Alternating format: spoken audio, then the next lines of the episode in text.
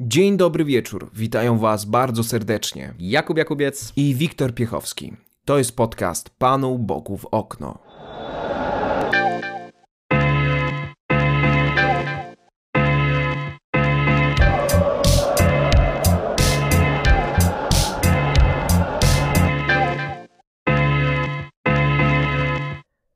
Lewandowski, Aguero, Haaland. Trójka napastników, którzy rozgrzewają media do czerwoności. Kontuzja Polaka wykluczyła go z przegranego meczu z Anglią na Wembley. Możemy się tylko domyślać jako kibice, jak potoczyłoby się tamto spotkanie. Aguero i Haaland zamieszają w tym roku na rynku transferowym, szukając nowego pracodawcy. Gdzie zobaczymy ich niebawem? Albo drugie pytanie, ważniejsze. Kogo aktualnie na nich stać? Zacznijmy jednak od wątku polskiego i aktualizacji statusu kontuzji Roberta Lewandowskiego. Panie Jakubie, czy masz dla nas dobrą czy jednak złą informację? No mam na szczęście dobre informacje i wszyscy je dzisiaj otrzymaliśmy. Robert Lewandowski najprawdopodobniej wróci do gry na pięć kolejek przed końcem sezonu Bundesligi. Informacja ta wyszła bezpośrednio od specjalisty do spraw rehabilitacji w Bayernie Monachium, Olivera Schmidleina, y, który w podcaście dla gazety Bild zdradził, że regeneracja Roberta Lewandowskiego przebiega w bardzo dobrym tempie i jest naprawdę realna szansa, żeby mm, skrócić nawet o tydzień tę rehabilitację. Także 19 mm, kwietnia, zapiszmy sobie tę datę w kalendarzach. 19 kwietnia to realny, realna data powrotu Roberta Lewandowskiego. To, co zdradził również rehabilitant, y, to fakt, że Robert Lewandowski mógłby już teraz tak naprawdę podejść do, do treningów Bayernu Monachium, no ale jednak włodarze mm, klubu nie chcą, broń Boże, ryzykować, żeby stracić najlepszego napastnika świata y, na dłużej w przypadku, gdyby uraz się odnawiał. Jest to kontuzja, za którą y, można powiedzieć brzydko ukrzyżowano już Paulo Souza, ponieważ miała miejsce w meczu z Andorą. Pierwsze prognozy były naprawdę pesymistyczne. Mówiono o tym, że Robert dopiero wróci na dwa mecze mecze przed końcem sezonu, no ale informacja, że Robert Lewandowski miałby wrócić wprawdzie po dwumeczu z Paris Saint-Germain w Lidze Mistrzów, miałby pięć spotkań na pobicie magicznego rekordu Gerda Millera jest naprawdę obiecująca i optymistycznie się na to w tym momencie zapatruje. Początkowo Zbigniew Boniek podawał okres ewentualnego powrotu Roberta jako 5-10 dni. Mówił, że też nie trzeba ryzykować. Jednak od razu po powrocie Roberta do Bayernu dostaliśmy komunikat czterech tygodni. Nagle kibice się przestraszyli, mówią ojojoj, ojojoj, coś tu jest nie tak. Okazało się, że powszechnym zachowaniem w takich wypadkach jest to, że klub od razu mówi najgorszy możliwy scenariusz, te cztery tygodnie, o których było początkowo mowa. Jak na razie też e, miejmy nadzieję, że Robert powróci do składu przed meczem z Paris Saint-Germain, bo Bayern może mieć e, problemy, chociaż szczerze ci powiem, tak jak prześledziłem teraz, kogo mają do dyspozycji i w jakiej sytuacji jest e, Paris Saint-Germain, które ostatnio przegrało z Lille, to wydaje mi się, że bez Roberta również mogą dać radę. Coś, czego nie można powiedzieć o Polakach. Myślę, że mogą. Mogą dać radę, tym bardziej, że w meczu z Lipskiem to było widać. No wprawdzie skromne 1 do 0, ale, ale jednak wygrana i nawet z Erikiem Maksimem Choupo-Motingiem byli w stanie to spotkanie y, wygrać. A myślisz, że na Paris Saint-Germain wyjdzie w pierwszym składzie Choupo-Moting, czy raczej e, zobaczymy na przykład trójkę z przodu i będzie ona wyglądała e, Sané, Miller i Gnabry? No i szczerze mówiąc, nie, nie, nie chcę bawić się we wróżenie z fusów, Natomiast wydaje mi się, że jest możliwa opcja faktycznie z Choupo-Motingiem od pierwszej minuty. Tym bardziej, że jest to były piłkarz PSG, więc może coś tam będzie wiedział, jak przeciwko Keylorowi Nawasowi e, się zachowywać. No ale wiadomo, no Bayern na pewno nie opiera swojej gry na, na Choupo-Motingu w momencie, w którym nie ma najlepszego snajpera, tylko będzie szukał tutaj jakichś pobocznych rozwiązań. Myślę, że tak, no Robert Lewandowski to jest już potwierdzone. Nie, raczej nie wróci na ten dwumecz i była taka faktycznie optymistyczna prognoza, że mógłby na drugi mecz mhm. już być gotowy do gry, ale na ten moment przynajmniej jeżeli od klubu wychodzi taka informacja, mm, no to tam jeszcze Robert Lewandowski miałby opuścić jedną kolejkę po meczu z PSG, więc raczej, raczej bym się na to nie napalał, chociaż możliwe, że to też jest taka informacja puszczona yy, specjalnie w taki sposób, żeby ewentualnie zaskoczyć rywali w drugim spotkaniu w Lidze Mistrzów. No nie wiem, na razie razie, na razie takich informacji niestety dokładniejszych nie mamy. Pozostaje nam czekać na rekonwalescencję Roberta i liczyć na to, że jak najszybciej wróci, zdobędzie sześć bramek, które są mu potrzebne do Musi. pobicia rekordu Gerda Millera. Chociaż powiem ci, że zostańmy chwilę przy tym rekordzie Gerda Millera. Niemcowi udało się strzelić 40 bramek w jednym sezonie Bundesligi. Od momentu dobrej dyspozycji Roberta Lewandowskiego, która trwa już kilka lat,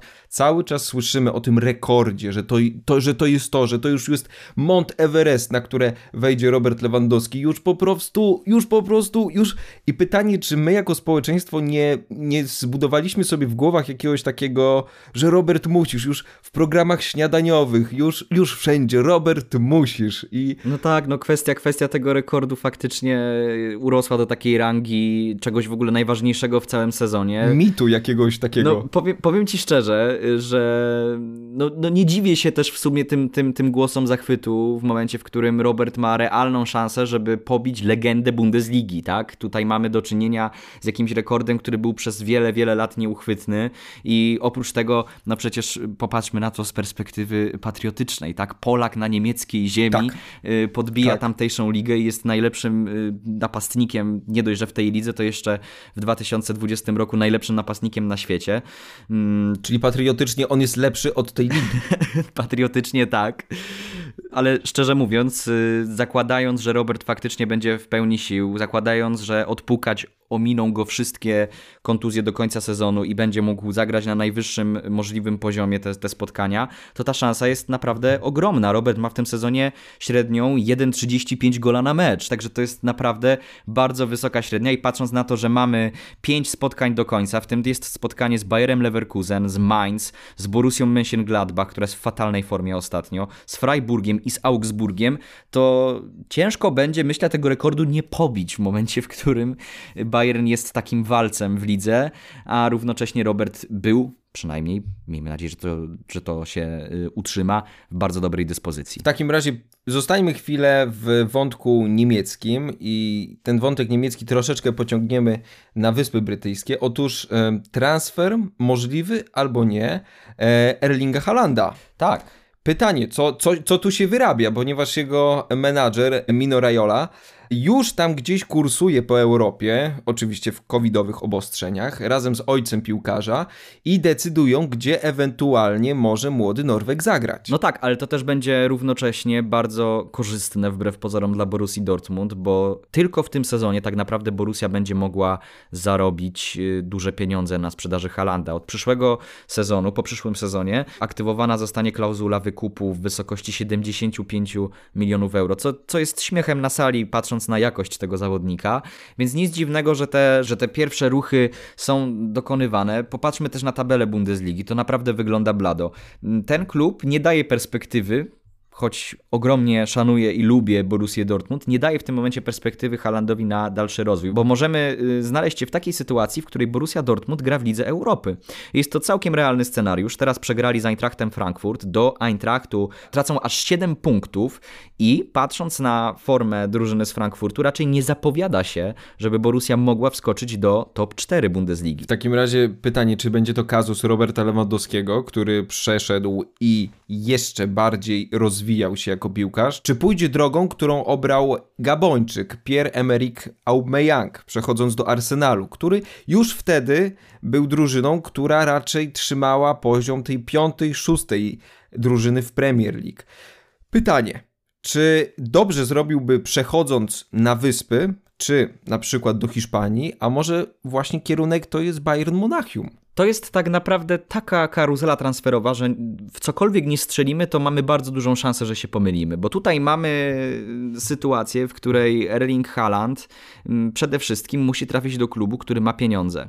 Dlatego opcja Bayernu wydaje mi się, że nie jest zbyt realistyczna. Patrząc na to, jak Bayern przynajmniej w ostatnich latach, no tam były faktycznie wyjątki yy, pojedynczych zawodników w postaci Hernandeza na przykład, gdzie Bayern sypał naprawdę dużymi pieniędzmi za zawodników, ale zazwyczaj to się odbywało na bardzo oszczędnych warunkach. I poza tym w momencie, w którym mamy już Roberta Lewandowskiego w zespole, to wydaje mi się, że Bayern nie chciałby wzmacniać tej pozycji i wywierać presji na Robercie, no bo po prostu to nie ma sensu, tak? To jest, gra, to jest, to jest zespół ułożony przede wszystkim pod Roberta Lewandowskiego i pytanie brzmi, czy Erling Haaland miałby dobre warunki do rozwoju w tym zespole? Szczerze, wydaje mi się, że nie. Czy Premier League jest dobrym kierunkiem? Jak najbardziej. Myślę, że to jest y, takie, takie moje największe marzenie, żeby zobaczyć Halanda w Premier League. I tutaj pytanie brzmi, do którego klubu ostatecznie mógłby trafić? Wbrew pozorom, bardzo dobrym kandydatem do zakontraktowania Norwega jest Chelsea, a to przede wszystkim właśnie ze względu na aspekt finansowy, bo niewiele klubów w dobie pandemii stać na to, żeby wyłożyć tak duże pieniądze za piłkarza,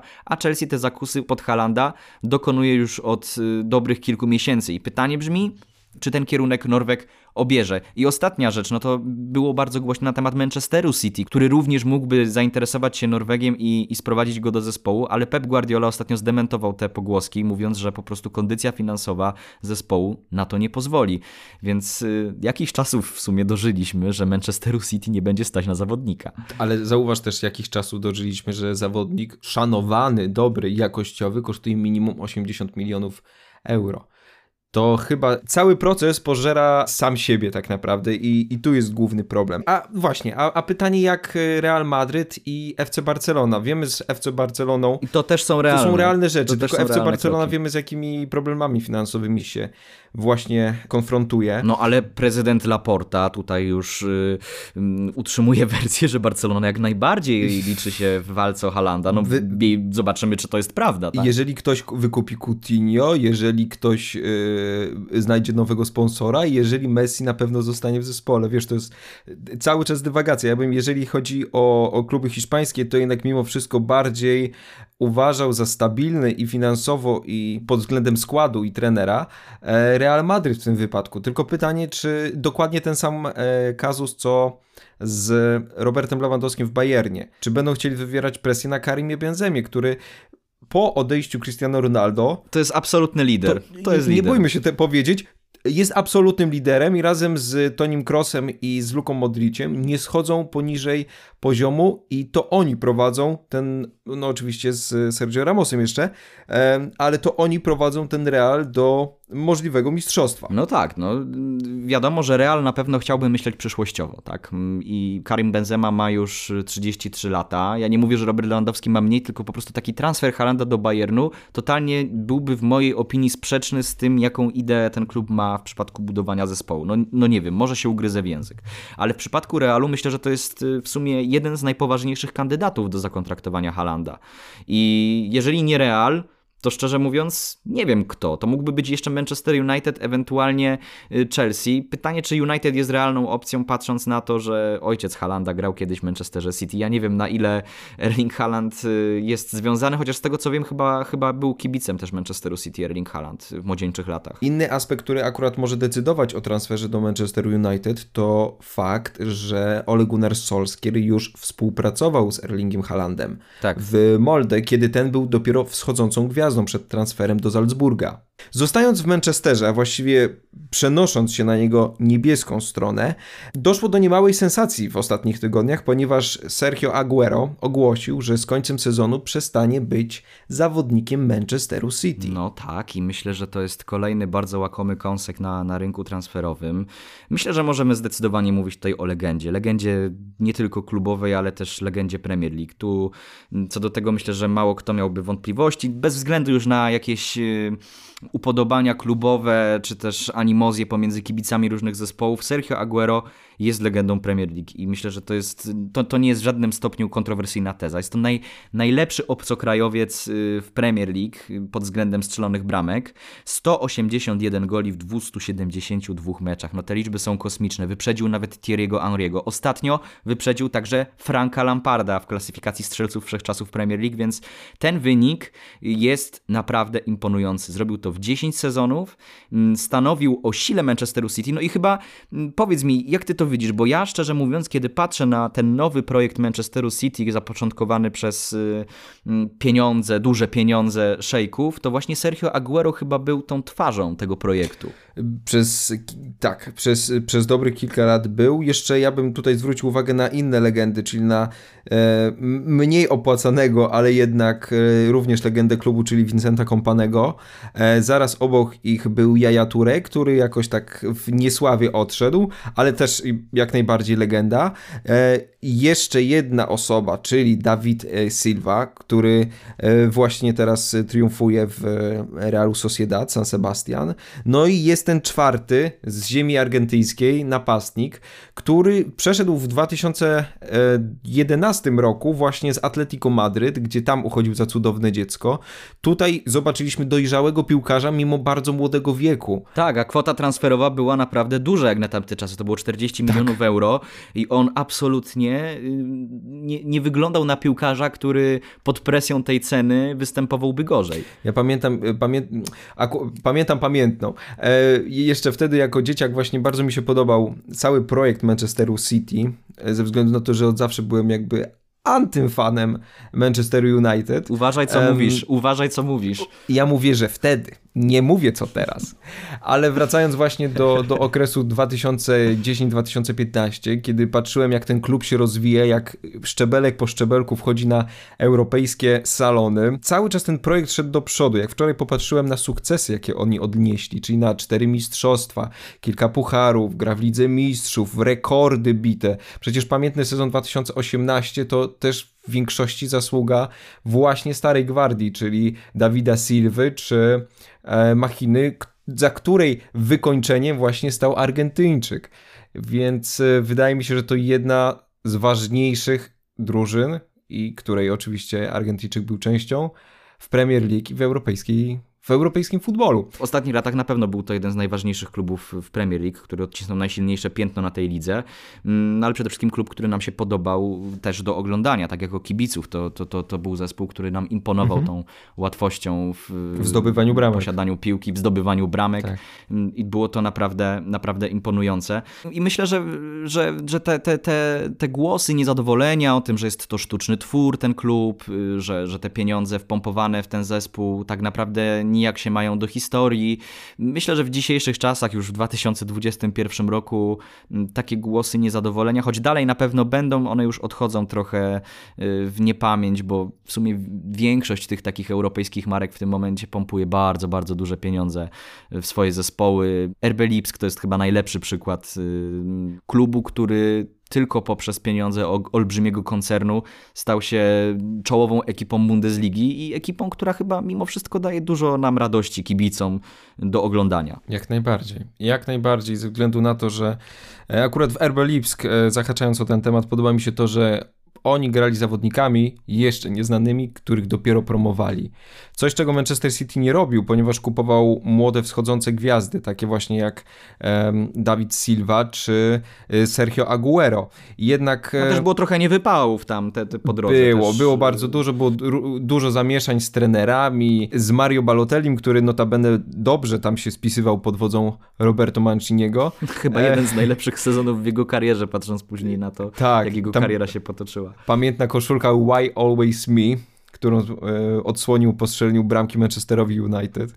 E, widzisz, no same mamy dobre skojarzenia z tym zespołem. Tylko zastanawiam się teraz... No myślę, że wielu kibiców mogłoby się z tobą nie zgodzić, tak sobie o tym myślę, ale ja, szczerze mówiąc, przede wszystkim, ja jestem przede wszystkim kibicem Premier League, więc dla mnie zespół, który prezentuje taki wysoki poziom piłkarski już po tych wszystkich latach, y, no po prostu jest zespołem, który, na który się przyjemnie patrzy i myślę, ty też podzielasz to, to zdanie, choć często się nie zgadzamy, ale w tym wypadku się akurat zgadzamy. Tak. Ale wracając, y, wracając do Sergio Aguero, no bo mm, tutaj chodzi znowu plotka odnośnie tego, że Aguero mm, mógłby przejść do Chelsea. Sam mówił o tym, że chce zostać w Premier League, a tylko tak naprawdę chyba Chelsea mogłaby być zainteresowana usługami Argentyńczyka. Myślisz, że to jest dobry pomysł? Cały czas się zastanawiam, gdzie Thomas Tuchel chce upchnąć zawodników, których ma do dyspozycji. Też się zastanawiam. uwagę, e, Timo Werner, no Timo Werner nie razi e, skutecznością w tym sezonie, ale mimo wszystko jak nie on, to wchodzi Tami Abraham.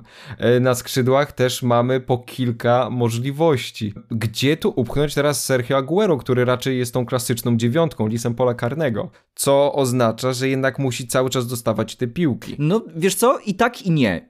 I tak i nie. I powiem ci, że y, dla mnie akurat ten ruch nie jest wcale taki bezsensowny, bo w przeciwieństwie do Timo Wernera, Sergio Aguero wydaje mi się być piłkarzem, który potrafi zrobić coś z niczego. Nie jest wielu takich napastników w Premier League, nie jest wielu takich napastników na świecie. Jest to piłkarz, który nawet z beznadziejnej pozycji potrafi strzelić bramkę. I pod tym względem myślę, że przez wiele lat nie miał sobie równych, a Timo Werner jest zawodnikiem bardzo poblokowanym, faktycznie stricte uzależnionym od tych podań, które do niego po prostu nie dochodzą, bo gra Chelsea nie jest nastawiona na grę pod napastnika. Też trzeba zwrócić uwagę na wyszkolenie techniczne. Zauważ, jakim operuje Argentyńczyk, a jakim Timo Werner? Raczej y, Niemiec opiera się na szybkości. Dokładnie tak, a Argentyńczyk to co mówisz, jest w stanie z każdej pozycji zagrozić bramce rywala. To bogactwo w, w Chelsea jest naprawdę ogromne i na pewno jeden z napastników musiałby się pożegnać z zespołem The Blues, żeby taki transfer mógł, mógł, mógł dojść do skutku. Pewnie byłby to Olivier Giroud, znając życie. Mm, chociaż, no szczerze mówiąc, nie wiem, czy byłbym takim zwolennikiem tego pomysłu, bo wydaje mi się, że ta pozytywny, ten pozytywny aspekt Chelsea w ostatnich tygodniach. Opiera się też na tej dużej różnorodności charakterystyk poszczególnych napastników, że zarówno Timo Werner, jak i Tammy Abraham, jak i Olivier Giroud są napastnicy z zupełnie innej bajki. I wbrew pozorom myślę, że to jest uniwersalna konfiguracja, gdzie Giroud wychodzi na mecze Ligi Mistrzów i gra jako taki typowy odgrywający, gdzie Timo Werner często jest ustawiony na skrzydle, ale jak gra na środku to jest właśnie takim zawodnikiem na bardziej prostopadłe podania, a Tammy Abraham to jest coś pomiędzy tą dwójką. Też dynamiczny, też w miarę szybki, ale na pewno nie tak, y, nie tak zwrotny jak, y, jak Niemiec. Jeżeli nie wątek e, Wielkiej Brytanii, to co dalej? Bo pojawiły się głosy, jakoby Barcelona. No właśnie Barcelona. Myślę, myślę, że Barcelona na pewno byłby to realniejszy ruch dla Barcelony niż ruch Halanda do Barcelony. No tutaj myślę, że zdecydowanie jest to bardziej prawdopodobna opcja i myślę, że Aguero byłby piłkarzem, który by się do dumy Katalonii bardzo dobrze wpasował. No ale to jest tylko moja opinia. Musimy też pamiętać o jednej bardzo ważnej rzeczy. To jest zawodnik 32-letni, którego w ostatnich miesiącach nie oszczędzały kontuzje. I Aguero też nie bez powodu odchodzi z Manchesteru City. Aguero nie dostaje w tym sezonie szans. To było 9 spotkań, jedna zaledwie bramka. Pep Guardiola mm, woli stawiać w tym sezonie na Gabriela Jezusa, na Phila Foudena, czy nawet na Gündogana na jego pozycji. Także myślę, że Aguero sam odkrył, że jednak no, tej perspektywy już w City nie ma. Tylko pytanie brzmi, na ile te kontuzje, których doznał y, i na ile ta przerwa od gry, która była naprawdę duża, czy ta przerwa spowoduje spadek jego umiejętności, czy też nie? Na to pytanie nie znamy odpowiedzi. Ja bym zahaczył o jeszcze jeden kierunek. O ligę przyjazną y, starszym panom, jeżeli tak to można w futbolu określać zawodników po 30, y, mianowicie Serię A. Otóż y, pojawiły się pogłoski, że Intermediolan prowadzony przez Antonio Conte wyraziłby chęć zakontraktowania Argentyńczyka. No tylko tu też znowu mamy problem y, jakiegoś bogactwa, tak? Mamy Lautaro Martineza, mamy Romelu Lukaku i gdzie tu jeszcze pomieścić tego Aguero tak, żeby faktycznie mógł regularnie grać, bo wydaje mi się, że tego miejsca po prostu zabraknie. Tak, to, to, to, to. Zważywszy jeszcze na to, że Inter stara się grać piątką w pomocy, to tego miejsca dla trzech napastników robi się mało. Wiemy, że Antonio Conte i tak jak obserwuję jego drużynę i, i taktykę, którą wykorzystuje podczas spotkań, jednak mimo wszystko ten duet Lukaku-Lautaro, on w zupełności wystarcza Interowi i to oni odpowiadają w większości za bramki. No ale właśnie widzisz, te, te, te, te przetasowania, y, te przetasowania jest niesamowite. Chyba dawno nie mieliśmy takiej sytuacji, w której kwestia dwóch napastników, w tym wypadku Aguero i Halanda, wpływałaby na to, jak bardzo duże ruchy pomiędzy klubami mogą się dokonać, jak duże roszady. Dokładnie tak. Zauważmy taką sytuację. Mamy Aguero, który odchodzi z City. City tak naprawdę powinna stać się nagle faworytem do zakontraktowania Halanda. Wiemy, że raczej będzie to ciężka sprawa ze względów finansowych, ale no załóżmy, że, że, że faktycznie byłaby to realna opcja, żeby Haland mógł przejść do Manchesteru City. Tak samo możemy gdybać, co by było. Na przykład y, Lautaro Martinez ląduje w Premier League w którymś z klubów i w tym momencie w jego miejsce wchodzi Sergio Aguero. Jest bardzo dużo tych opcji, które mogą się mm, przetasować tutaj ze względu na transfer tych dwóch dżentelmenów, a wydaje mi się, że Erling Haaland na pewno zmieni pracodawcę po tym sezonie. Miejmy nadzieję. Miejmy nadzieję, ponieważ taki zawodnik przydałby się w zdecydowanie bardziej e, przyjaznej lidze dla napastników a jednak w Bundeslidze nie, chociaż mimo tego, że wykorzystuje bardzo dużo sytuacji nadarzających się, to tych bramek jest mało, mało, mało, mało, mało, mało. Mogłoby być więcej, jak sam powiedział Robert Lewandowski. Jeszcze ja bym Aguero wrzucił do jednego zespołu, możesz się ze mną nie zgadzać, możesz się ze mną zgadzać, a mianowicie to jest AC Milan, e, tylko nie mogłoby być w tym zespole Zlatana Ibrahimowicza w roli pierwszego wyboru. Absolutnie by go nie mogło być. Ja bym go właśnie widział w taką dziewiątkę, taką klasyczną, fajną dziewiątkę, ale to już moje upodobania. Chyba, panie Jakubie, wyczerpaliśmy ten temat tych dwóch pięknych torped. Tak mi się też wydaje. Nie ma co gdybać więcej, bo potem będziemy musieli się gryźć w język i przyznawać się do tego, że, że nasze prognozy były kompletnie nietrafione, no ale operujemy na tych skrawkach informacji, które na ten moment dostajemy. Mm, także życzymy Robertowi Lewandowskiemu, żeby wrócił jak najszybciej do zdrowia. Tak. Żeby strzelił te sześć bramek, żeby pobił rekord Gerda Millera, a potem pobił jeszcze drugi jego rekord największej ilości strzelonych bramek w ogóle w lidze. Do tego jest trochę daleko, jeszcze chyba Robert musiałby grać jeszcze z 5 sezonów, tak żeby do tego dorównać. Będzie. E, podobno mówił, że będzie. Gerd Miller 427 bramek, Robert na ten moment 346, także jest to możliwe, ale na razie nie gdybajmy i nie róbmy z tego sprawy rangi, rangi światowej. Tak, tak, tak. W takim razie dziękujemy bardzo, że z nami byliście. Po jednej stronie mikrofonu Jakub Jakubiec, po drugiej Wiktor Piechowski, a to był podcast Panu Bogu w okno.